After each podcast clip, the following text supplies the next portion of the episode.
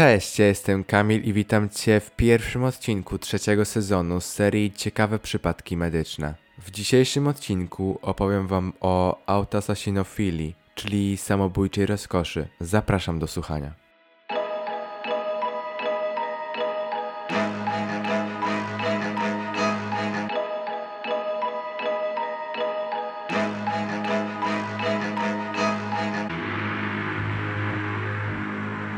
Autoasasinofilia to według Encyklopedii Psychoseksuologii parafilia seksualna, w której bodźcem seksualnym jest sytuacja zagrożenia życia. Z autoasasinofilią związanych jest wiele wątpliwości natury moralnej, gdyż stwarzanie tego typu sytuacji jest bardzo niebezpieczne i może prowadzić nawet do śmierci danej osoby. To właśnie dlatego tak bardzo ważne jest, by osoba z tego typu parafilią podjęła się profesjonalnego leczenia. Objawami autoasasinofilii są fantazje seksualne związane z pozorowaniem własnego zabójstwa, a także dążenie do ich realizacji. Przykładowo, osiągnięcie orgazmu będzie wiązać się z takimi sytuacjami jak duszenie bądź podtapianie.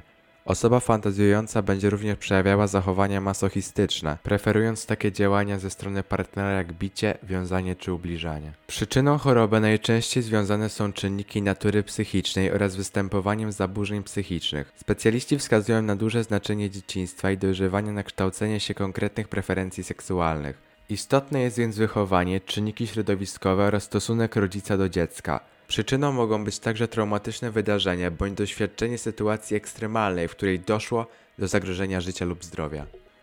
Główną metodą leczenia będzie psychoterapia, w której dąży się do ustalenia czynników warunkujących tego typu preferencję seksualną. Skorzystać można na przykład z terapii psychodynamicznej, która czerpie z psychoanalizy i zwraca uwagę na podświadome treści. Tym samym pomaga dotrzeć do źródeł tej parafilii. Proces terapeutyczny może być również wspierany przez farmakologię. Często sięga się po metody treningowe, które mają na celu obniżenie dewiacyjnego podniecenia. Bazują one na teorii poznawczo-behawioralnej, która zakłada, że parafilie są zachowaniami wyuczonymi. Leczenie będzie więc polegać na oduczeniu danej osoby tych zachowań.